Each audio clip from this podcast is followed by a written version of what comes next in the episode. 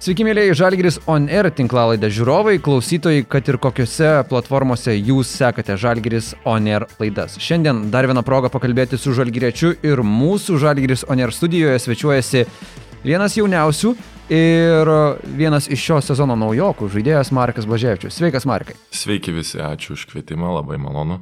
Labai malonu, kad prisijungi. Ir žinai, pradėsiu nuo tokios labai tradicinės temos. Žinai, aš ir pats važinėju e, iš Vilniaus į Kauną, tu esi iš Vilniaus ir Žinau, kad Vilniaus Kauno tema, būtent Kauno Žalgirio klube, yra tokia aštresnė, aštresnis topikas, taip vadinamasis. Tai sakyk, kas buvo pirmasis Kauno Žalgirio žaidėjas, arba nežinau, galbūt e, atstovas iš komandos, kuris pajokavo apie tave kaip apie Vilnietį atvykus čia į Kauną ir taip toliau. Marius Grigonis. Iš karto, ne? Iš karto. kiek, kiek truko, kad tu pravertum burną ir jau Marius Grigonis paleido? Mm, manau, pirmą treniruotę ir buvo vienas iš bairių apie Vilnių. Ta pačia, tą pačią dieną susirinkom visi čia ir pirmą treniruotę tikrai buvo vienas iš Marijos bairių apie Vilnių. Bet, tu prasme, aš įsivaizduoju taip, kaip čia pasakyti, mentaliai jau buvai nusiteikęs ir tam pasiruošęs. Man kažkaip, man nerūpi, man visai jokinga, bet kartais mes į tokias irgi gilesnės diskusijas šokam ir su Mariumi, ir su Pauliumi. Apie ten, miestų populiaciją, demografiją. Jo, ir prisijungia ir Karolis, ir mes padiskutuojam, draugiškai, nedraugiškai, argumentai būna, bet visada visada smagiai einasi ta kalba apie Vilnių Kauną. Bet aš skaičiavau šiame sezone buvo netgi taip, kol berots nebuvo Paulius Murausko, kad kauniečių, Vilniečių praktiškai buvo vienodai, ar net vienu metu ir Vilniečiai jau buvo paėmę tą visą viršų. Mm, Karolis, aš, Marčius Vilniečiai, taip. Jankis, Milas, Grigonis, Kauniečiai. Taip. Luka, Lukas, Lukas iš, ne. iš Šilalės, Lukas, Paulius Dimša. Murauskas iš uh, Kauno, Aha. Tomas Dimša atrodo irgi iš Kauno, bet jis šiuo metu ne. Jo, ne, tai 4-3. Tai čia taip, čia negalima, kaip sakyti, per daug Reikia griežtos. išlyginti. Reikia išlyginti. Reikia išlyginti. O šiaip apskritai, uh, buvo tavo karjeroje, kai žodžiai, pav- pavyzdžiui, moksleiviuose, ar būdavo tas Vilniaus Kauno susidūrimas kažkoks ypatingas, laukdavo tos kovos prieš kauniečius? A, buvo, kadangi Kauno komanda buvo geriausia, perkūnas tuo metu. A, a, Juozas Brakauskas, beje, treneris jų buvo dabar teisėjas LKL mūsų. Ir laukdavom tikrai tos kovos, kadangi tie kauniečiai buvo labai galingi ir stiprus ir taktiškai visada pasiruoždavo, tai, tai tikrai būdavo ta tokia šiek tiek tokia prieš priešą. Aišku, šiek tiek po to vėliau paaugom, tai buvo taip ramiau, kadangi atsirado kitų komandų e, gerų, bet ar pavadinčiau tai derbiais? Ne, bet kad mes laukdavom tų varžybų, tai tikrai taip. Vien dėl to, kad žaidži prieš stipriausią. Stipriausia komanda, jie galimai potencialius čempionus, tu ne visada būdavai e, favoritų, tai buvo tas, a, jie čia vėl tokie, ne, ten jie labai gerai apie save galvoja ir nori, nu, reikia laimėti. Mhm. Tai būdavo toks mentalitetas. Apskritai, kaip tu pamenė save moksleiviuose, ar buvai tas, kuris jau rungtinių dieną spirga, nebegali išstenėti vietoje, nes žino, kad vakare rungtynės arba dieną rungtynės, ar tu buvai toks, kad, na, take it easy, slow, step by step, kaip su tavimi yra? Anksčiau, kai buvau dar mažesnį, kokį 14-13 metų, tai tėvai varžybų dieną atimdavo telefoną. Viskas, tipo, no phone. No phone. Uh, jokio telefono nebūdavo ir tik po varžybų gaudavo, tai gaudavo šiek tiek pažiūrėti teliką, kažką panašiai, o vėliau, kai, kai 16-15 važiuodom išvyką, tai treneris prieš autobusą, pavyzdžiui, važiuoja maišelį, susimeti visus telefonus. Ir irgi be telefono reikdavo keliauti prieki atgal duodavo. O koks būdavo, nu, toks take it easy, take it slow. Mhm. Bet tai ar šitą atimk telefono taktiką tau tikrai jauti, kad padėjo, ar...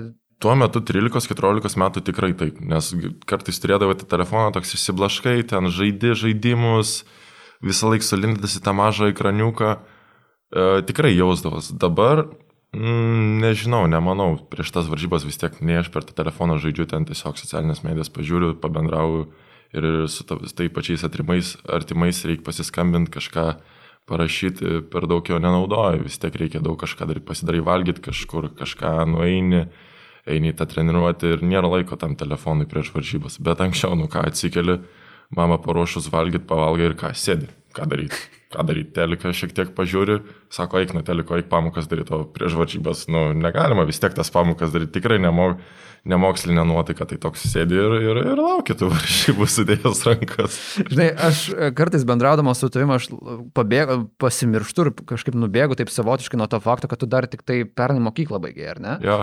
Uh, Šiaip čia aš norėjau tave ir pagirti, taip netiesiog, nežinau, ar supratai, nes su tavim tikrai labai smagu pasišnekėti, toks jaunuolis, kur neieškai žodžio kišeniai. O kaip dabar yra tas tavo laisvalakis, kai nebėra tos mokyklos mokslo, kaip tu viską leidai savo tas laisvas dienas? Nelabai yra tų laisvų dienų iš tikrųjų. Bet jeigu būna. Jeigu būna, tai e, stengiuosi tą patį Vilnių nuvažiuoti, aplankyti mamą, pa, pa, pasimatyti su draugais. Dabar kaip ir nedėkinga ir dėkinga yra situacija, kadangi visi išsivažiavę yra kažkur buvo studijuoti ir dabar atgal grįžę nuotolinis mokslas, tai kaip ir faina, galiu su tais draugais, kur galvojau, kad nesimatysim viso sezono metu, tik bendrausim per telefoną, galiu dabar susitikti iš tikro.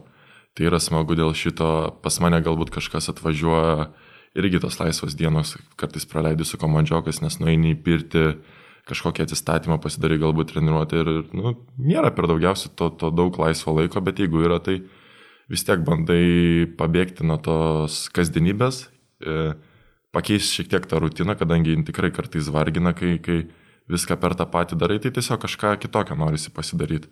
Pavyzdžiui, kitokį maistą pabandai, galbūt kažką, kažką eksperimentuoji, neišeina būna blogai tada, bet jeigu išeina žiauriai smagu, tai tokios laisvos dienos ir bėga. Trust the process. Jo, yeah, trust the process. o tai gerai, tu kažką nori kitokio pabandyti. Ar jau esi bandęs kažko tokio grandioziško kažką? Grandiozinio ne, bet uh, asmeniškai nesu bandęs, esu bandęs saldžiai daryti keletą kartų piragą, labai tragiškai išėjo. Kokį piragą tu bandėjai? Obulių. Obulių, nu, Ei, nu, čia, čia geras dalykas. Geras dalykas, bet man neišėjo ir neseniai pabandžiau paprastus tos sausainius, kur būna, žinai, su dviejų, su šokolado gabaliukais ir ja. visa kita. Tai visai gerai man išėjo. Čia vadinamieji chip cookies. Jo, ne vienas, aišku, gaminau, gaminau su, su, su, su kompanija. Bet problema buvo ta, kad šiek tiek perlaikėm perlaikim susainius ir jie, man patinka jie minkštesni, o jie buvo tokie crust. A. Bet parašyčiau kokį 8-7, bet kitą kartą, manau, bus jau žymiai geriau ir bus tas pirmas gerai padarytas desertas. Aš noriu paklausti tavęs, ar tu turi savo kažkokį tokį keistą pomėgį, arba kažkokį net nekeistą, o naudingą tau įprastą pomėgį? Mm, nežinau, net nepasakyčiau, kad būtų va toks kažką eiti programuoti ir tai būtų man polisis. O kartais tiesiog mėgstu dingti iš socialinės medijos dviem, trim dienom, niekam netrašyti, ten tik su mama bendrauji ir kažkokiais keliais artimesniais žmonėmis ir tiek, taip prasivalai galvą. Galbūt taip, nes o. kartais būna taip, atrodo darai, darai, tada tau atrodo, kad paroj per mažai laiko, ką tu nori padaryti, nes atsikeli, ten nori kažką paskaityti, kažko pasidomėti, nori prasivaikščioti, pasigaminti tada nori kažką dar pažiūrėti, galbūt kažkokią naudingą, nežinau, tą patį ir podcastą, ar krepšinę, ar apie gyvenimą, yra pilna įdomių podcastų, kur su buvusiais krepšininkais eina ir jie pasako kažkokias istorijas, tikrai labai smagu. Ir tada dar tau kažkas rašo, nori kažkas pabendrauti, ten parašo senesni draugai, kaip sekas, va čia gal suskambinam ir taip atrodo, plema, galėtų biški ilgiau būti to laiko toj paroj. Ir prie to tu dar nori pasportuoti, nori ateiti anksčiau, paruošti savo kūną treniruoti, galbūt papildomai patreniruotis, tada atsistatyti, ledo vonios ir taip išeina, kad nėra, nėra iš vis to laiko, tai vad kartais taip dinkstu. Mm. Bet aš įsivaizduoju, dingti iš socialinių medijų, ypač kai tu esi jaunas, kai turi daug tų vadinamų ir followerių, connectionų, visų, yra sunku, ne, ne kiekvienas tai sugebėtų ir apskritai ir padaryti, kad ir A. dienai, pusdieniui. Nėra sunku, nėra sunku, pasilieki tiesiog yra, yra žmonės, kuriem tu žinai, kad gali atrašyti arba kuriem nori atrašyti, nes tu nori su jais bendrauti, bet ir yra kartais, kur tu paskaičiuoji ir supranti, kad tai yra nu, laiko švaistimas ir tu tiesiog paignoruoji arba po to atrašai, arba iš vis nebeatrašai ir tiek, nes galiausiai būna bendrauji, bendrauji, atrodo ir tada toks, o kokia nauda? Mm. Ir katofinį. Mm. Nesupranti, kad yra svarbiau, pavyzdžiui, nueiti prieš tą pačią treniruotę ramiai kažką padirbėti, nes tau tai bus naudinga, o čia yra energijos ekvavimas. Kai pasirašai sutartį su Žalgiriu, arba netgi sakyčiau taip, kai buvo tas visas prasidėjęs bazas, kad tu keliausi į Žalgirį, kad tu paliksi Vilniaus rytą, kiek to populiarumo tave užgriuvo? Ar tai buvo didžiulė banga, ar viskas palaipsniui ėjo, kai tu galų gale ir tuos parašus suraitė ant kontraktų su Žalgiriu? tokia pamažu banga ir, sakyčiau, iki šiol irgi eina tas dėmesys yra labai didelis perėjus į, į Kauną ir čia užtenka vienas varžybas išbėg kažką iš pakrepšio įmes ir ta banga dar didėja. O Vilniui kažkaip tas buvo žymiai paprasčiau, žmonės ten Vilniui nelabai domėjus atrodo to krepšiniu, o čia viskas krepšinis, krepšinis, krepšinis, atrodo, sužaidė varžybas, eini laisvės salėje, einu iš parduotuvės, žmonės mojoja, o, davai, varyk, sėkmė. Pajutė, ne? Ta? Jo, yra tas ir, ir žiauriai smagu ir faina, aišku, kartais būna numeta, na, pralaimėjot grybai, kažką ten žeria kritikos, bet tai normalu, visai smagu. Supranti, ar nebūdamas kūne, kad žmonės susitapatina su ta komanda? Jo, susitapatina, atsimenu, buvau irgi išėjęs prasivaikščioti ir kažkas sako, na, tau čia ne Vilnius, tau čia negedamino pilis, kažką Vilnius. Na, irgi yra įvairių žmonių mėgstančių ir palyginti Vilnių su Kaunu, bet visai smagu, visai smagu. Vilniui to nebuvo tokio. Mhm. Tie praėję metai, ar ne? Buvo ir debiutas rinktiniai, buvo net ir dokumentinis filmas apie tave sukurtas, tas galų galia vėlgi pasikartosiu perėjimas į žalgyrį, tas vadinamasis sukeltas apie tave bazas ir hypas. Ar sunku gyventi su tuo, ar tu moki kaip, ar tu pats esi minėjęs berots anksčiau, kad tu sugebė nuo to atsiriboti iš tikrųjų? Manau, tai yra tiesiog paskatinimas, kad, uh, žinai, žinai tą kad ir tas pats mažas filmukas padarytas, tai tiesiog nėra tam, kad kažką, kažkokį dėmesį prie savęs, o tiesiog, kad palaikyti savo kartelę. Kad kartais vis tiek būna dienų, kai atsikeli, a, sunku, bla, bla, bla. Ir tai yra papildoma motivacija, nes tu išėjai viešai, žmonės tai prisimena ir tu turi tokią atsakomybę. A, aš čia taip save pateikiau ir ką aš dabar galėsiu labai. Ne. Jau nebegaliu kartelės numažinti. Jau nebegali numažinti, gali tik kilti virš, jeigu numažinsi, tai krisi, tau nesiseks ir bla bla ir tada vėl tave ateity galbūt po kelių metų pateiks kaip blogą pavyzdį, o to tikrai nenoriu. Tai, tai tiesiog papildoma motivacija kasdienybė ir tiek. Mhm. Prisijungi prie Žalgrio. Uh, bet tu Marijos Grigonio bairiukų ir Vilnius Kaunas, tų visų palyginimų, kaip, kaip tave priėmė komanda? Tu ateini jaun, jaunas žmogus, tai papasakok apie tą visą įsileimą. Labai, labai šiltai, aišku, iš pradžių nebuvau toks drasus, ten per daug nekomunikavau, bet, bet tas, tas pats Paulius irgi atrodo, žmogui beveik 40 metų turi. Turi Ar tikrai beveik 40 metų? turi tris vaikus, uh, nuostabią šeimą, atrodo toks, nu, žaidžiant Vilniui, jis man atrodo, kad yra labai oficialus žmogus, labai rimtas, viską, viską taip uh, brandžiai, tolygiai uh, apskaičiuoja, padaro, o čia atėjus, jis gali būti ir 18 metais su tavim, žino, kada reikia būti rimtam, kada duoti vėlnių, kada sakyti susimk, bla bla bla. Tada gali tapti 25 mečių ir pakalbėti su tavimi apie tas temas. Tiesiog žmogus turi kišeniai visas temas. Ir tu net neįsivaizdavau, kad gali būti tokia asmenybė, su kuria tu gali jaustis, jaustis kaip ir vaikas mažas, bet e, kitą dieną jis gali atrodyti tau kaip vyresnis brolis, nes pamokys ir apie gyvenimą, ir apie krepšinį. Tai tiesiog yra nuostabu, kad uh, turiu galimybę su tokiais žmonėm kartu žaisti ir mokytis ir, ir imti pavyzdį ir, ir, ir džiaugiuosi dėl to. O tas visas priimimas, nu tai turėjom daug irgi naujokų, užsieniečių, irgi Rokas Karolis, uh, Marius, tai bairiukai pastoviai lekia, uh, viens kitam kažką numetam ir, ir tikrai faina, ta, ta atmosfera yra niekada nesubuvęs tokiai komandai su tokia nuostabia atmosfera. Kiek tau pačiam buvo lengviau, kai va, ir pats minėjai, yra Rokas Karolis, tie jaunesni žaidėjai, na aš įsivaizduoju vis tiek vyresni kartais būna su vyresniais, o jaunesni turi savo tą grupelę, tai kiek tau padėjo lengviau įsilieti, būtent buvimas Roko Karolio? Uh, tai pradžioje tiesiog, kad jie man padėjo apsiprasti su viskom, išaiškinau, kaip čia, kur, ką, kas čia yra, ką galima. Nelipant logotipo. Ja, ja tą, tą jau irgi Jankis pasakė, tas visas taisyklės, ten kažkokias praėjusias istorijas, uh, kaip čia laisvas dienos praeina, kad tu čia gali ateiti pamėtyti, čia yra pirtis, čia yra šalta vonė, čia yra daktaras toks, tu gali pasitai pakalbėti, čia pas trenerį taip. Tiesiog tą visą, atrodo, tutorialą, tą free month uh, path, kur, kur tu būni pasiemi ir tau viską išaiškina ir, ir kaip tu sakai, kad vyresni savo, jaunesni savo, nu, nu ne, čia tokio nėra, čia visi tiesiog kartu ir tie patys užsieniečiai ir visi šnekamės ir, ir nėra tokių grupelių, kas yra kas yra tikrai keista. Mhm. Tas pirmas susidūrimas su Martinu Šileriu, ar jis buvo kažkoks Zoom call pavydalo, ar jūs tiesiog jau kai Martinas buvo čia Lietuvoje susėdot, pašnekėjot, kaip tu visą tą prisiminė tą procesą? Uh, buvau rinktiniai, palangoju, buvom, uh, ruošiamės tam draugiškam turnyrui Estijai gavau žinutę iš, iš, iš trenerio, parašė, kad čia labas Marikai, čia Martinas Šilis, tavo treneris, norėčiau tam pasiskambinti ir, ir tą pačią ar kitą dieną tiesiog pasiskambinom, su viens su kitu susipažinom, pakalbėjom, išsi... net ne tai, kad išsidėliojom kaip čia dalykus su krepšinio, tiesiog viens su kitu susipažinom, tokie klausimai buvo netgi ne apie krepšinio, tiesiog ten va, girdėjau mokyklą, baigiai, bla bla bla, apie tai pakalbėjom ir toks lengvas apie nieką ir apie viską pokalbis buvo. Toks susipažinimas, ar ne? Daugiau susipažinimas paprastas. Su asmenybė, ja, su asmenybė tiesiog susipažinimo treneris sužinojo, koks aš esu, aš sužinojau, koks jis ir jokių rimtų, rimtų ten išsidėliojimų nebuvo. Mhm. Uh, ta visa sezono pradžia, ar ne? Uh, treniruotėse su Pauliumi Jankūnu, su Džiaudžiau reikia stumdyti, su Martinu Gebenu.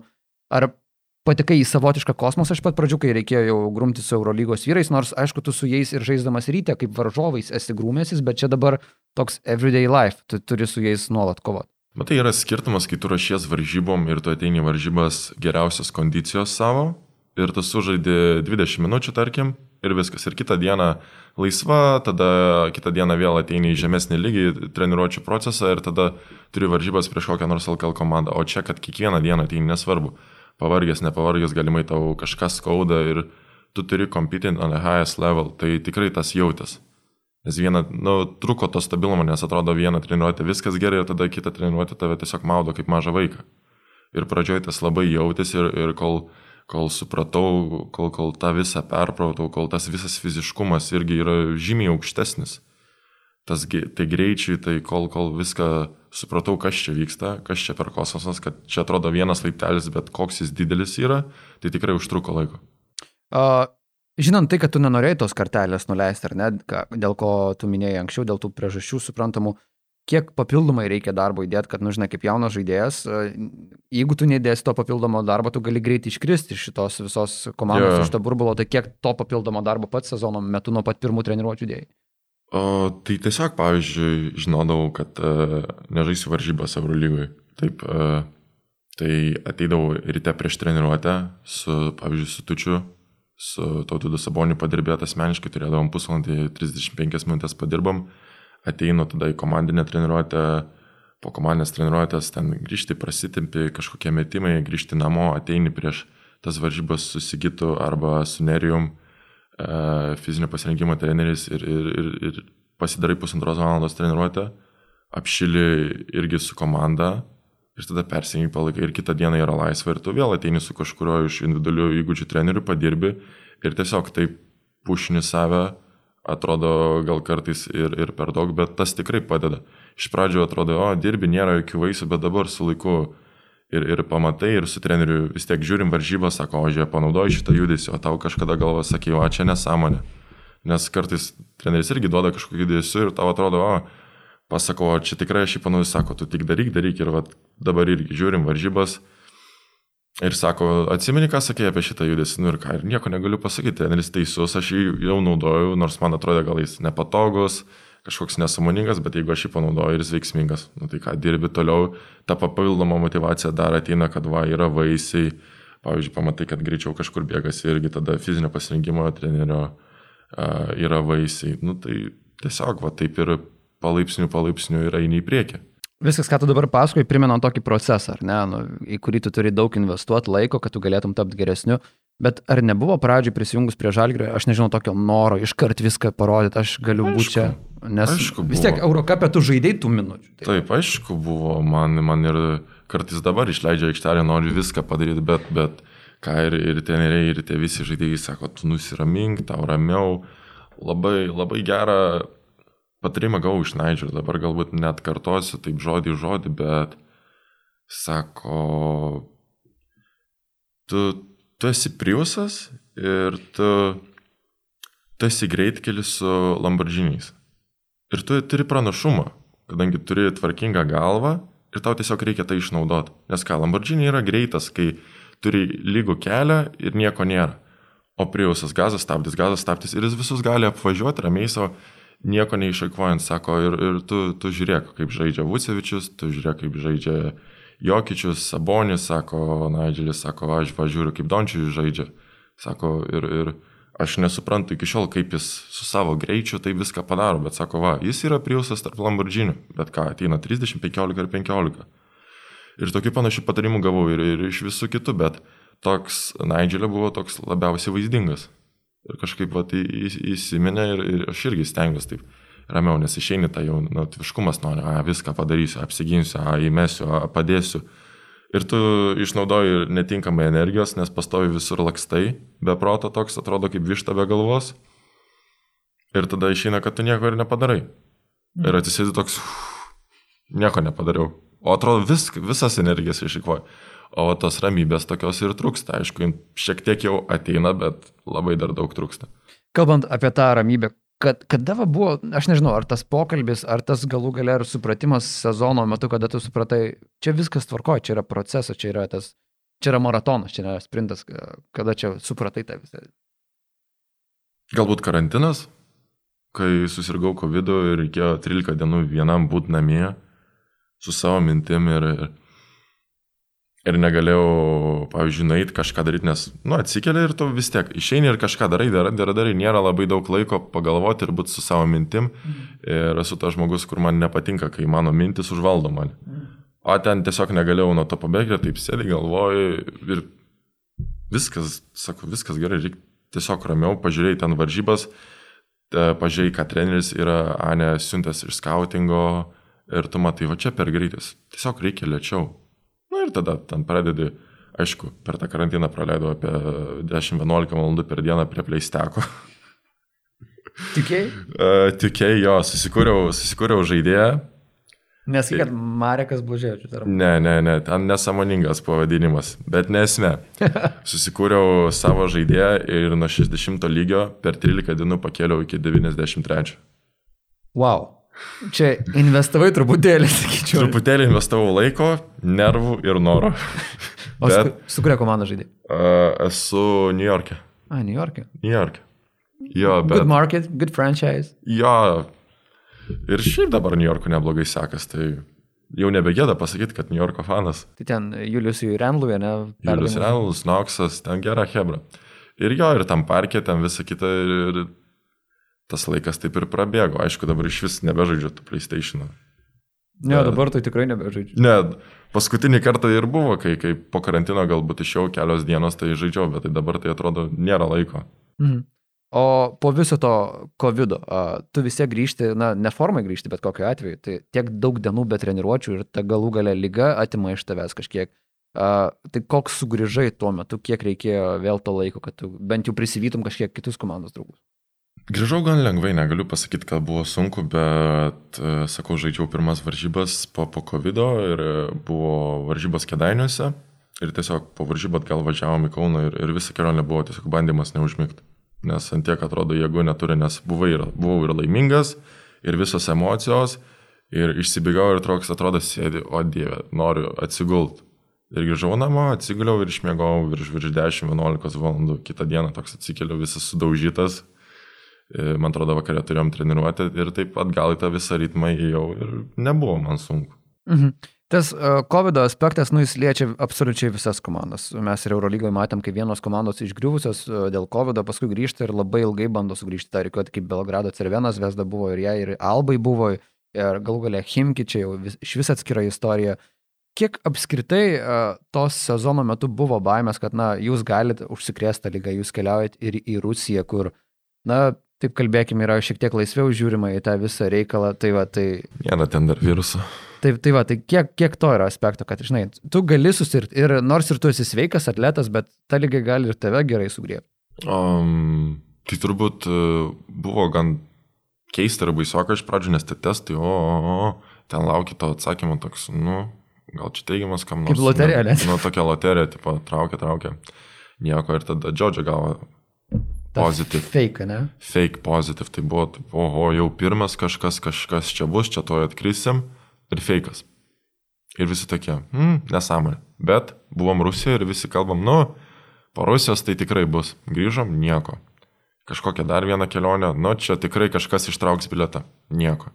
Ir taip tada, a, lengviau pradėjai tai žiūrėti, bus tai bus, per daug apie tai negalvoji ir, ir, ir manau dėl to gan ilgą laiką mes ir nesirgom, aišku dabar išėjo tokia situacija, kad, kad daugiau žmonių atkrito, bet manau tai yra gerai, nes dabar žaidžiam reguliarų sezoną Lietuvos lygoje ir ant playoffų busim visi sveiki pilno pajėgumu. Mhm. To ir belieka palinkėti. Ja. O šiaip apskritai, tos va aplinkybės, neturėjote ir Patricio Garino trečiojo pozicijoje, ar ne? Buvo ir tie iškritimai dėl COVID, buvo Lukas iškritęs, kuriam irgi reikėjo sugrįžti į tą formą. Kaip tu manai, kiek tos visos aplinkybės nubloškė jūs nuo dalies pergalių Eurolygoje? Ar, ar buvo galima be tų visų aplinkybių šokti atkrintamasios tavo galvos su šito sudėties žalgiriu? Uh, matai, bet ir mes žaidėm prieš komandas, kur irgi turėjo kažkokios praradimus ir mes... Tokia dviguba situacija, jo, ne? Negali pasakyti, o mes čia praradom, bet ir kitos komandos turėjo praradimų.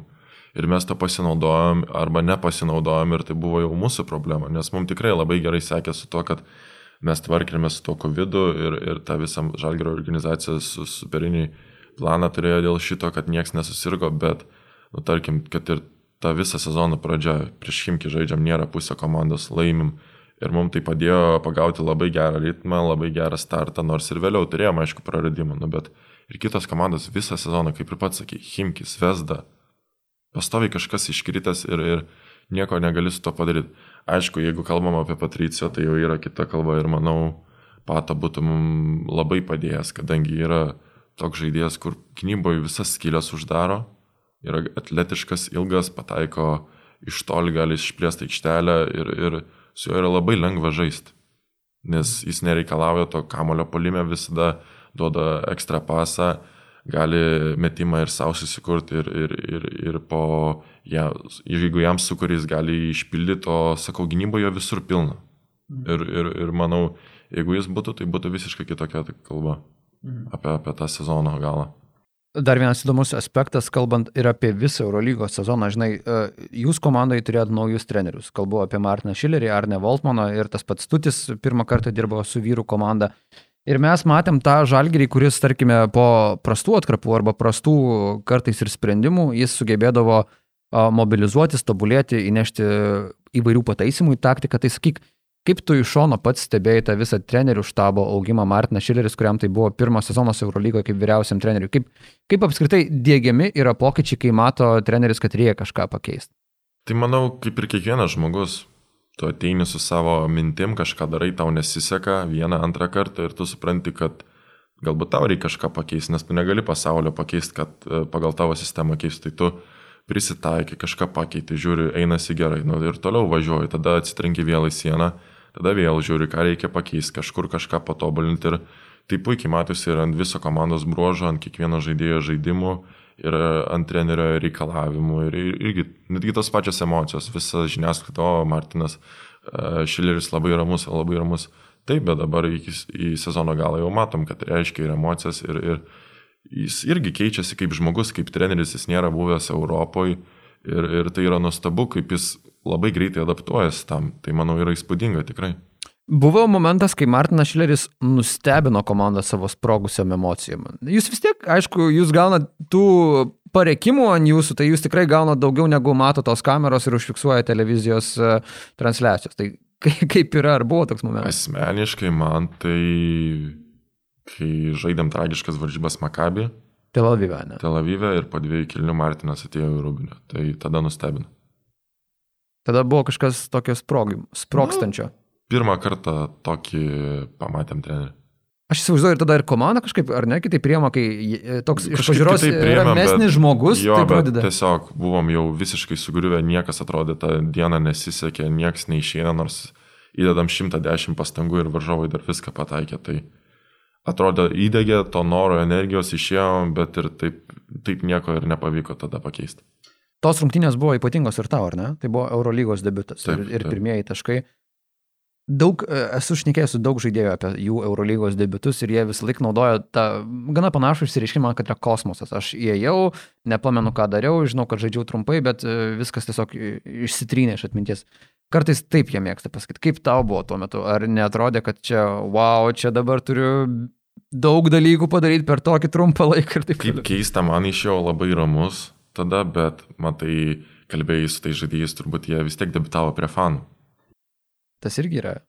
Aš debitavau be fanų ir, ir tas jausmas yra visiškai kitoks. Kad ir tai Eurolyga aukščiausias lygis, bet nėra fanų, o jeigu būtų pilna Makabio arena, tai tikrai galbūt ir pameščiau galvą per tas kelias minutės, kai treneris mane išleido. O kai buvo ramu viskas, tiesiog išeini irgi aikštelį palaiko tave, tavo komandžiokai patarė kur ką, tai taip ir išėjo tas sklandžiai debutas ir galbūt per, ne, per, ne per daugiausiai emocijų. Tai... Mhm. Tos kitos rungtynės, apie kurias reikia būtinai pašnekėti daugiau, yra dvikova su Panatinaikos. E, tu būtent su Pau žaidėjai daugiausiai, e, rotacija buvo praretėjus ir dėl įvairių priežasčių priekiniai linijai. Ir man labai patiko, kaip tu dėlioji pėdas prieš Zeką Augustą ir atrodė, kad, nu, Eurolygai tu mažų mažiausiai žaidėjai jau antrą sezoną, nebe debutiniai. Ar čia vėlgi buvo kažkokia papildoma motivacija, žinant, kad tavęs tikrai greit nesudins ant suolo, nes trūksta paprasčiausiai žaidėjai. Tai papasakok apie tą visą tavo įspūdį iš tų rungtynių su Panatinaikos? Tai, vat, vat tie epizodai, kur, kur ir pats pasakai, tai turi būti mano kiekvienas varžybos tokios su tą ramybę išeiti ir, ir pasinaudoti savo irgi arba greičiu, arba fizinę jėgą, arba gudrumu prieš tos varžovus. Aš turiu taip žaisti kiekvienas varžybas, bet taip neišeina, aišku, ne visada išeina išeiti ramiam ir šimta procentų susikoncentravusi, nes kartais uh, pameti save, kartais galbūt kažkoks blogas epizodas tave išmuša iš vėžių, bet tiesiog stengiuosi ties to dirbti ir, ir galbūt tos varžybos buvo e, puikiausias tas pavyzdys, kuo, kuo aš sėkiu, kad visą laiką tai būtų, kad visą laiką būčiau su ta ramybė, be, be, be galbūt durnų klaidų, aišku, klaidos visada ateis, bet kad tą padaręs tą klaidą neužsiparinčiau arba negalvočiau apie ją ir tiesiog, tipo, on to the next one play. Ir, ir tos varžybos tikrai buvo smagios, e, pamačiau tą, tą, tą tikrą Eurolygos krepšinį, pamačiau, kad jokių švilpukų negausiu jaunas būnant. Ten atrodo, Marius Jankis visą laiką, visą zoną sakė, ai, čia negausi šilpuką, tau čia viskas švilps, nedaryk taip, nedaryk taip. Ir taip būna, nu, nu gal, gal, gal jie ir teisūs. Ir išėjau ir gavau vieną kartą ranką įmečiau, nei vieno šilpuko po to žiūrėjom irgi su treneriu tą video, taip čia bauda, taip bauda, bet sako, nu, tu jaunas, tu, tu, tu nieko negausi, nei vieno šilpuko, tu turi užsitarnauti tą pagarbą ir, ir buvo labai nuostabios emocijos dėl, dėl to, nes išeini, žaidži aukščiausiam lygiui, komanda visą užsivedus, tai smagu buvo. Ar čia ir buvo susiję su tom viso sezono pamokom, ką tu sakai po tų rungtynių, kad tu labai akcentavai tą ramybę, ar ne? Jo, manau, man to labiausiai trūksta nes tai vis tiek sunkiausia išmokti, nes fiziškai tai tu ką kūną pastoviai gali treniruoti, treniruoti ir jis lėčiau, greičiau auks, o su savo galva dirbti, su savo mintim ir su ta ramybė, nu tai jeigu tu nieko nedarysi, tai dar blogiau bus ir, ir vis tiek, nu, tie to aukščiausio lygio žaidėjai, jie, jie žaidžia su kokia ramybė, jie žino, kada pakeis greitį. E, ir, ir atrodo, tie blogi epizodai jų, jų sprendimam neįtakoja. Kas yra tikrai įspūdinga. O tu pats, lyginant su sezono pradžia, ar ne, aš kalbu apie tą visą patirtį treniruotėse, tą laiką LKL, kurį tu gavai, kiek tu pats jautiesi, aš nežinau, ar taip galima sakyti, sustiprėjęs labiau šitam lygiui, ar ne, ar tu jauti kažkokį tą žingsnį į priekį? Visom prasmėm jis jaučiasi ir, ir, ir to, to pačiu kaip judu aikšteliai, kai tu pažiūri video, kad greičiau per, per, perstatau kojas, greičiau uh, nuskaitai kažkokias situacijas, aišku, atsiranda galbūt naujų klaidų, kur darau, nes prieš tai neišdrįsau kažkokių dalykų daryti, dabar bandau jas daryti ir man nesiseka ir dėl to darau klaidas. Tai tiesiog toks all around yra, yra žingsnis į priekį.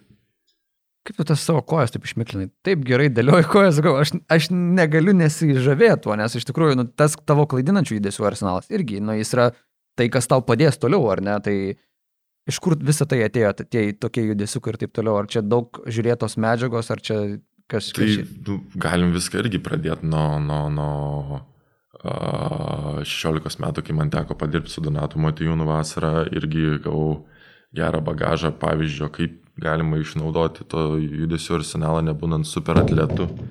Ir, ir, ir mes visi žinom, kad Donatas nėra nei greičiausias, nei, nei stipriausias. Uh, nei, nei šokliausias, bet vis tiek sugeba, sugeba įstumti kamolį į skylę ir tiesiog jo judesių arsenalas yra įspūdingas. Tuo labiau, kaip jis atrodė irgi prieš tas traumas Houstone, tai buvo įspūdinga. Atrodo, įmeti, įveda jam į laupaus, tai yra garantuoti taškai. Tai tiesiog nuo to viskas jis prasidėjo, parodė keletą judesių, stengiausi juos atidirbti, tada darbas su Helmaniu Vilniui, dar, darbai vasarą su, su treneriais kažkokie video peržiūrimai žaidėjus, te, kai, kai stebi žaidėjus, tada galiausiai atvykau čia ir, ir tas pastovus darbas su Tučiu, su Ane, irgi žaidėjai, Ogas, Džodžio, Jankis kažką patiria, tas pats Marčius. Jie visi vyresni, jie visi labiau patyrė ir, ir jų, jų patarimai yra man tikrai naudingi. Kiek va dabar, kai tu dabar daugiau žaidži paustą, išnaudoji savo tos klaidinančius judesius, tą visą greičio arsenalą, kiek iš tavęs norima ir tų vidutinės distancijos metimų, ar viskas vėl čia turi ateit palengva? Viskas yra pažingsniu, bet e, irgi, nu, reikia išnaudoti savo stiprybės, aišku, negaliu ateiti iškart mes tą vidutinį, iškart vis tiek norisi varžybas E, į varžybų ritmą įeiti su savo stiprybėm, tai kažkokiu užsibaigimu iš pakrepšio arba gerų epizodų gynybų su to įeini ir tada skaitai situaciją, jeigu tau varžovas duoda vidutinį, tai tu jo ir pasinaudoji, jeigu treneris tuo metu, pavyzdžiui, pataimautą ateini ir tau duoda vidutinį, bet treneris nubraižė kažkokį specialų derinį, tai tu jo nemesi, nes tu nori padaryti tą planą, išpildyti planą, nes galbūt dar man metiko viską, tai reikia viską nuskaityti ir tiesiog, ką, ką duoda gynyba, to ir pasinaudoti. Liko dar LKL Kauno Žalgiriui e, ir apskritai grįžta žaidėjai į rotaciją. Kaip ta visa komanda dabar, kokia yra, yra jos būsina po Eurolygos, žinai, daug kas kalba, kad čia Žalgiriui nebus motivacijos ir taip toliau, bet matėme, kad galima gauti ir pamokų, kai tos motivacijos yra mažiau, tai kaip tu papasakotum apie tą visą komandos dabar būsiną prieš lemiamos kovas? Tai manau, gali, galima pasakyti ir blogai, kad čia dabar kažkas iškrito, bet pasakysiu, kad ir gerai, nes šiek tiek tokia aplinka pasikeisti, tie žaidėjai irgi prasidėjo 14 dienų namie, jie grįžtų tokie šviežesni, nes realiai grįžti kaip po trumpų atostogų. Čia galima išvelgti labai blogai, o be fizinės kondicijos, be krepšinio gerai, tu grįši po 14 dienų, savaitę ir tu atgal toj savo fiziniai būsenoje esi, dar kelios varžybos ir tu krepšinio ritme ir kas, jau turim atkrintamasis ir atkrintamųjų, tie žaidėjai yra visiškai švieži, pilni energijos ir, ir pilni noro, ypač toks pato. Dabar grįžo, galbūt tas, tas kelias jam kažkiek kažką trukdė, nes pastoviai reikėjo prižiūrėti, dabar šiek tiek pabus ramiai, grįž, vėl prižiūrės kelią ir grįž su dar didesnė energija. Su to pačiu Naidželiu. Tikrai labai daug, daug žaidė visą sezoną, gal, galima pasakyti, gavo dabar tokio lengvo poilsio.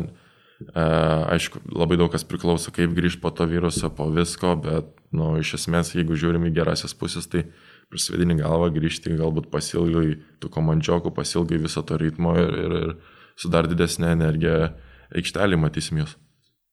Ir pabaigai prieš mūsų žiūrovų klausimus noriu paklausti apie tą visą tavo ateitį. Tai kaip tu tą ateitį matai? Tu esi kalbėjęs apie savo galutinį tikslą NBA, ar ne? O, o apie ateitį Kauno Žalgrį. Kaip dabar į ją žiūri po šio sezono? Ar yra daugiau užtikrintumo? Galbūt nu, aš vėl nenoriu grįžti prie to žodžio, žinai, ramybės, labai mes jį nuvalkėjom, bet kaip, kaip tau yra po šio sezono žvelgiant tai, kas tavęs laukia toliau Kaune? Tai bus matyti, nežinau. Baigsis sezonas, kalbėsime turbūt ir, ir su treneriu, ir, ir su vadovu, ir, ir matysim, vis tiek jie turi savo vizijas, jie turi didesnius planus, jie mato didesnius paveikslus nei aš, tai tiesiog matysim, kaip viskas bus. Gerai, Marikai. O dabar metas pereiti prie mūsų žiūrovų klausimų. Šiaip uh, Kipras, uh, kuris čia taip pat veda tinklalaidės, man davė tokią nuorodą ir tokią užuominą, kad uh, būtent Marekas Blaževičius buvo tas krepšininkas sulaukęs daugiausiai klausimų. Daugiausiai ever klausimų uh, mūsų uh, Žalgiris Oner podcastų istorijoje, nu, kaip žinai, mes vis laik prašom tų klausimų žiūrovų. Ir e, atrinkom 15 klausimų, nes kai kuriuos teko sutraukti jau, žinai, į atskiras kategorijas, kad jau tiesiog neklaustume to paties klausimo iš e, kito šono arba iš kito galo. Ir tavo užduotis, aišku, bus labai paprasta. Tau po visų tų klausimų tau reiks išrinkti vieną geriausią, pasirašysi kamoliuką ir mes įteiksim tam žmogui būtent šį Žalgiris Shop prizą. Būtent mūsų žiūrovų klausimus ir pristato Žalgiris Shop. Kągi, mėlyjei, ir mielasis Marekai Blaževičiau. Dabar metas perėti prie tų klausimų. Paulytė Gaubytė, nežinau, pažįsti, nepažįsti? Klausė jį. Kaip sekasi išmokti padaryti špagatą? Čia toks labai specific question. Kažkodėl. Nežinau, nesiseka. Gal geriau aš nebandysiu, noriu dar tą krepšinį pažaisti visai. Nes... Bet tu, plauk, ar tu nuolatos bandai padaryti, ar čia tiesiog yra random klausimas? Ar... Čia yra labiausiai random dalykas, kokį šiandien girdėjau. Gerai. Man tas Liutkevičius klausė. Kodėl ryte pasirinkai 23 numerį, o žalgrėje pirmą? Kokia yra šių numerių reikšmė? Um, 23, kadangi nuo moksleivių laikų buvau 23 ir tiesiog ėjau su to numeriu ir nenorėjau nieko keisti. Bet čia dėl Lebrono, dėl Michaelo? Labiau Deivisas patiko, kai buvau mažesnis, buvo įspūdinga. O dabar buvau, pasirinkau pirmą numerį, kadangi pirmieji žaliai marškinėliai, su kuriais žaidžiau, buvo U15 kartos Lietuvos rinktinės marškinėliai ir buvo pagal pavardės numeriai. Ir Blaževič, bet tai buvau numeris vienas ir galvoju, reikia grįžti prie jo. Tikrai fainas numeris, tai grįžau. Plus, rugsėjo pirmą gimęs, tai why not? A, rugsėjo pirmą. Kaip simboliškai, tau nebūdavo, kad tu rugsėjo pirmą eini į mokyklą ir gimtai? Kaip suprantu, esi sulaukęs tokių klausimų. Esu. Gerai, dar vienas klausimas. Ugnius 44 klausia, su kuriuo legendiniu žaidėju norėtum pavakarieniauti? Iš visų. E, nu gerai, kalbam, žinai, šitą klausimą skelkime į dvi dalis. Dabar kalbėkime taip, hipotetinis, uh, legendinis žaidėjas, kuris galbūt gyveno anksčiau, bet dėja yra miręs. tai aš kalbu ne, ne su zombiu pavakarieniauti, bet, nu, dabar mes, žinai, galėtum prikelti. Arba galit į tą pūlą įtraukti tiesiog absoliučiai visus žaidėjus ir... Su Viltu būtų įdomu. Su Viltu Chamberlainu. Taip. Jo. Tiek istorijų turėtų, plus ten apie jį yra irgi parašyta, koks jis freak athlete, jo laisvalaikis nežmoniškas, kad jis ten ir, ir, ir vos nesportuojant ateidavo į varžybas ir su konversais įmeta šimtą taškų. Taip, taip, taip. Naktį nemegojęs, visą naktį prabuvęs Los Andželė, prašokęs su merginom. Tai visai Kur būtų įdomu. beje buvo profesionalas. Tai būtų, būtų įdomu paklausyti tų visų istorijų, paklausinėti ir, ir šiaip tokį žmogų pamatyti. Aš, žinai, esu skaitęs apie Viltą Chamberlainą istoriją, kad jam jau buvo 50 plus metų ir jis tiesiog irgi sportavo kažkur ir ten su karimu dar e, pasišpilkuodavo, pasitreniruodavo ir kažkas sugalvojo, blemba Viltai nenori grįžti į MBA, nes, nu, tipo, tu viską ir toliau gerai darai, bet jis buvo kažkaip, nu, sako, ai, ne, viskas tvarko, aš jau Gal pavyzdžiui. ir gerai, kad negryžo. Gal, gal ir gerai, jo. gerai, važiuojam toliau. Darius Mačiulis klausia, kurią NBA komandą ir žaidėjai, žaidėją labiausiai mėgdavai? Tai su New Yorko fanas, Mhm. kaip ir minėjau. O žaidėją, kurį mėgstu iš NBA, negalėčiau vieno pasirinkti. O šitą mėgstu ir, ir, ir man jis yra wow. Gal labiau kaip ir kalbėjom, kad žaidėjus, kuriuos stebiu, tai, tai dabar Markas Gasolis nėra geriausiai savo formoje ir, ir karjeros etape, bet kartais e, ir, ir pažiūriu tuos jo visus epizodus iš, anksčiau. Yra Damantas Sabonis, Vucevičius, Jokičius, Norkičius, visi tie Tavo europiečiai. pozicijos tiesiog žaidėjai. Mano pozicijos žaidėjai, mano, ką, ką, ką, ką aš galiu iš jų pasimti ir, ir pasinaudoti. Tai Okay. galėčiau tą pasakyti. GR Kamilė klausia, ar norėtum sudalyvauti kokiame realybės šou, jei taip, kokiame? Čia ne, nebūtinai tikslus pavadinimas, bet koks tas galėtų būti realybės šou. čia dabar toks vyksta burbulas, o ne Lietuvos. Uh, jo, tikriausiai. Nes, nes ten kažką rubiniai kalbėjo žmonės, aš nieko, nieko nelabai aš stebiu, seku, kokiam realybės šau, bet tai čia... Žiūrėk, aš tau, pavyzdžiui, pavardinčiau. Yra realybės šou, kaip tu, tavo minėtasis, kur tiesiog uždaro ten keli žmonės į kažkokią patalpą ir filmuoja. Ir yra, A. pavyzdžiui, kur tave paleistų į negyvenamą salą ir tau ten reikia išgyventi, susikurti ugnį, pragraužti kokosą, žinai. ir- Bet jeigu aš jau ten, ta prasme, matys, kad aš jau nebeišgyvenu, tai mane pasims ar tipo paliks. Nu, tikriausiai, jo veikiausiai, nežinai, labai būtų didelių problemų, jeigu ten Visai, visai tas antras variantas būtų Ro įdomus. Robinzonas Kruzas, ar ne toks? Gal ne vienas, gal žinai, ten su kažkokiais kitais žmonėmis ir tas competitionas ir tipo dienos vakare ten visi kartu susėdat prie kažko ir tada iš ryto kažkokį iššūkį visai cool būtų. O, o kaip tau tie, kur būna, žinai, kur bėga per kliūtis, žinai, kur ten to, visokios jokingos kliūtis, kaip tokie šipilius, kur būdavo anksčiau. Gerai, einam prie kito klausimą. Tai kaip tau atrodytų 2.11 bėga per tas kliūtis? Nu, šiaip jokingai atrodo. Dėl Nu, to- žmonėm jokingai. Žmonėm, jokingai. Žmonėm juokingai. O šiaip vis laik greitį turėjai gerą, kad ir su tokiu ūgiu. Tikrai ne. Tai ne. Tikrai ne.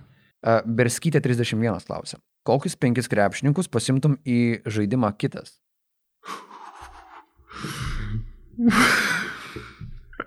Bet į tą žaidimą, tai jie eitų į pasimatymą su manim, ar aš kažką... Ne, žinai, tu būtum tam furgonė, furgonėlį su, tais- būč- su tais bahuriukais ir tu lauktum merginos, pas kurią galėtumai. Hmm. Bet tai čia nelabai aš galiu ką rinktis, yra daug užimtų vaikinų. Aišku, rokas. Roką tikrai čiupčiau. Aha, taip. Rokas. Rokas, kilęs iš mažiekių. Iš mažai. Garbanoti plaukai. Kairė rankis. Kairė ranka. Hmm. Tomą Vokopą paimčiau. Wow. Tai teisingai, teisingai replika. Šansų nebebūtų. Na, čia, žinai, competitioną reikia. Aišku, jis užsienietis kai kuriuom, o tai vis tiek gal, tarkim, lietuvaitė, oi, ne, nepatinka man užsieniečiai. Ir Jo, viskas, ir nepatinka Tomas Vokupas. Ta, tiesiog gal nemokės susikalbėti. Tai rokui šansas. Man... Nepatinka valgyti maistą. Jo. Tai tipo jau užteks dviejų, ne? Ne, ne, ne, nereikia. gerai, varyk toliau. Aš, Varyk toliau. Varyk toliau, jo. Kad daugiau visi, visi užimti vyrai pas mus. Bet tu jau gali ir savo buvusius komandos draugus. Čiagi mes nesam kažkokie uždari. Hmm, hmm, hmm. Hmm. Hmm. Karolį Gedraitį paimčiau. Aha. Jam visai neprašal būtų. Jau laikas, kur šeima žmogui. Mhm. Nes senas ar ne ten, tas 20 metų Toks amžius. Pasenęs jau žmogus, pasvali vis tiek nėra ką veikti, gal turėtų draugę, būtų smagiau. Mhm. Ir dar tau vieno reikia. Tai trys. Plauk, tu jau vardinai Jokubaitį. Vo. Tomas, Gedraitis. Karolis. Nu gerai, dar, dar pavadinai. Da, dar dviejų. Hmm. Hmm. Deividas ir Vydis tiktų šitą kompaniją. Hmm. Sirvidis tiktų irgi. Mhm. Irgi tiktų. Būtų tvarkinga kompanija. Tai čia toks neblogas irgi startinis penktas. Tai va, Reikia- va, va, aš reikia- irgi, aš ir, Reikia link- aukšto, ne? Ir link to suku, jo. Reikia aukšto dabar. Pamam dabar ketvirtą trūksta. Penkto, žin. Reikia tokio penkto, ketvirto dabar sugalvoti. Siūlau Viltą Čemberną. nu, tada irgi be šansų jau. Bet jis. Bet jį prikelt reiktų. Ne? Bet jį reiktų prikelti. Gerai. E, Lejukas klausė, viena daina, kuri tave apibūdintų. No role models, J. Cole. Žiauriai greitai sakai, ok. Čia jau, čia jau net ir rekomendacija, ne, visiems paklausyti ir taip toliau. Ok. Uh, Kuodytė 23 klausė. Kas geriausias treštokeris komandoje? Aš mėgstu pakalbėti, bet turim ir Mario, kuris kartais nesusilaiko, bet ir, ir Jankis irgi žino, kaip pakalbėti, žino, ką padaryti. Tai manau taip ir, aišku, ir Tomas Vokopas irgi kartais kažką užmeta. Tai turim gerą hebrytę. Mhm. Competitive guys. Pats esi rungtynių metu išvedęs kažką iš kantrybės būtent savo treštoko. Aišku. Ir mane yra išvedę, ir aš esu išvedęs. Ok, čia toks klausimas, aš kaip suprantu, jis gali būti ir toks provokuojantis labiau. Kevinai T klausė, Kevinai T, nes dvi E. Kaip su vairavimo teisėm? Mm. Daug klaustukų ir e, smailas. Žinai, Mm. mm. ir tas smailas, kai yra dvitaškis ir skliausteliai, bet dvitaškis tarpas ir skliausteliai. Tai toks biškis, toks truputėlį ironiškas. Um, gerai. Gerai sekasi. Ja. Ar tu jas laikai, ar jau užsilaikai? Laikau. Tai laikyk tvirtai. Raminta Kučinskytė klausė, jei galėtum vienai dienai tapti bet kuriuo pasaulio žmogumi, e, kuo būtum ir ką veiktum? Hmm. Tokį pasirinkimą turi, tai sunku sugalvoti dabar net. Hmm. Tarkim, būčiau Lebrono Jamesu ir uždraučiau Space Jam 2, žinai, kažką. Mm. Ei. Prasta idėja. Kokį reperių reiktų išsirinkti pabūt, įsivaizduoju. Smagu būtų. Nežinau, to pačiu Dreiku pabūt dieną. A, na, šiaip, šiaip jo, įdom, įdomus gyvenimas ten, žinai. Įdomu būtų pamatyti ten su apsauginiais visur vaikštai, važinėjai, viską gali nusipirkti, prasme. Jo, Išleidai kokį nors gabalą. išleidai gabalą, šiaip, o, išleidau gabalą. Ta, tokia žaldai. Važiavau į rungtynės, išleidau gabalą. Jo. E, Vidmantas Vidma klausė, ką Šaras sakė tuomet po rungtynių? O keep going e, ir, ir trumpai sakant, tiesiog palaikė ir tiek. Mhm. Uh, Gustė klausė, ar turi kokią rutiną prieš rungtynės? A, jo, turiu tą savo rutiną. Yra, yra, tarkim, jeigu nėra komandinės rytinės treniruotės, tai nu, su, su tučiu padirbėti savo metimus, kažkokius prasimest, išsijudint. Turiu treniruoklių pratimus, kurias darau visada prieš varžybas. Grįžęs visada užsisakau maisto, kadangi stengiuosi nesigaminti. Pamiegu šiek tiek, būna dušas, apsitvarkai plaukus arba, arba tingi apsitvarkyti ir ateini jau į varžybas ir vėl turi savo kažkokius uh, išsijudinimus, tempimo pratimus, juos visus padarai ir, ir tiek, tokia rutina. Mhm. Dar vienas klausimas iš Vaivos Vainusytės. Ar atėjus į Žalgirį, atvykus į Žalgirį, vyko krikštynos kaip naujam žaidėjui? Ne, nežinau, gal, gal aš nežinau, gal kažkaip, Gal tai buvo krikštynos, kad tu dabar bandai prisiminti? ne? Pla, tai buvo krikštynos. nežinau, gal, gal mane kažkaip tikrino, aš nežinau, gal praėjau tą patikrinimą arba nepraėjau, bet Suži- Pažiūrėjau, kaip tu reagavai tą pirmą bairį apie Vilnių, ne? Tipo, gali būti, gali visko būti čia su tokiais vyrukais. Ernesta klausia, kai žaidėt prieš Himkį, jei neklystų, metėjai baudas, kas ir buvo, ar ne, ir galėjai šimtą į tašką pelnyti. Taip? Ne prieš Fenerį? 92, šiam 7, tai prieš Fenerį tikriausiai ir turėjo būti, ar ne? Būtent tos rungtynės. Tai visi sako, kad pirmąjį meti, metimą tyčia prametėjai. Kaip ten yra iš tikrųjų? Nu, tiesiog nelabai taiklus buvau tą dieną ir tiek. Bet tikrai netyčia prametė, nes ten buvo Nu, spekulacijų, netyčia. neva Marekas Blaževičius nenorėjo pirkti visiems vakarienės ir prametė. Nu, specialiai nepram. Fake news. Fake news. Fake news. Fake news. Fake news. Ir paskutinis klausimas. Uh, Karolina klausia, kur įsivaizduoji save po penkerių metų? Įsivaizduoti yra viena, o kur būsiu, tai pamatysim ir tas vis tiek svajonės, tai pasiliksiu turbūt savo labiau. Gerai. Markai, e, prieš atsisveikinant, tau liko labai sunki ir svarbi užduotis išrinkti, kuris klausimas buvo tau geriausias. Su Tai- kitu. Su kitu. Su kitu. Tiesiog. Tai čia yra Berskytė 31, sveikinimai tau. Tobul, tobulas klausimas. Taip, ir e, pasirašykite, ponia. Vienas originaliausių, kokius. Šiaip aš irgi, aš irgi labai džiaugiuosi mūsų... Nebuvau pasiruošęs tokiam. Aš džiaugiuosi, kad mūsų klausytojai uh, visą laiką sugalvoja tokių įdomesnių klausimų. Ir uh, kai tenka ruoštis podcastams, e, tikrai yra tokių perliukų. Žinai, aišku, būna ir tie, kartais reikia ir tų tradicinių klausimų. Žinai, tikrai reikia, nes tada žmogus sugeba papasakoti Štai įsirašysi savo? Taip, čia yra mano prakalba jo. Bet, bet šiaip, šiaip tikrai uh, galima pagirti už tą gerą klausimą. Ačiū tau, Marikai, ačiū tau labai, kad apsilankėjai ir geros tau sezono pabaigos užartį. Ačiū už kvietimą. Prireiks. Viso. O jūs e, visas mūsų Žalgiris Oner tinklaladės galite matyti ir YouTube, galite klausytis jų ir visose tinklaladžių platformos, likite kartu su Žalgiriu ir nepamirškite tapti Žalgiris Insider prenumeratoriumi, ten galite rasti papildomo ir įdomaus turinio. Iki mėlyje.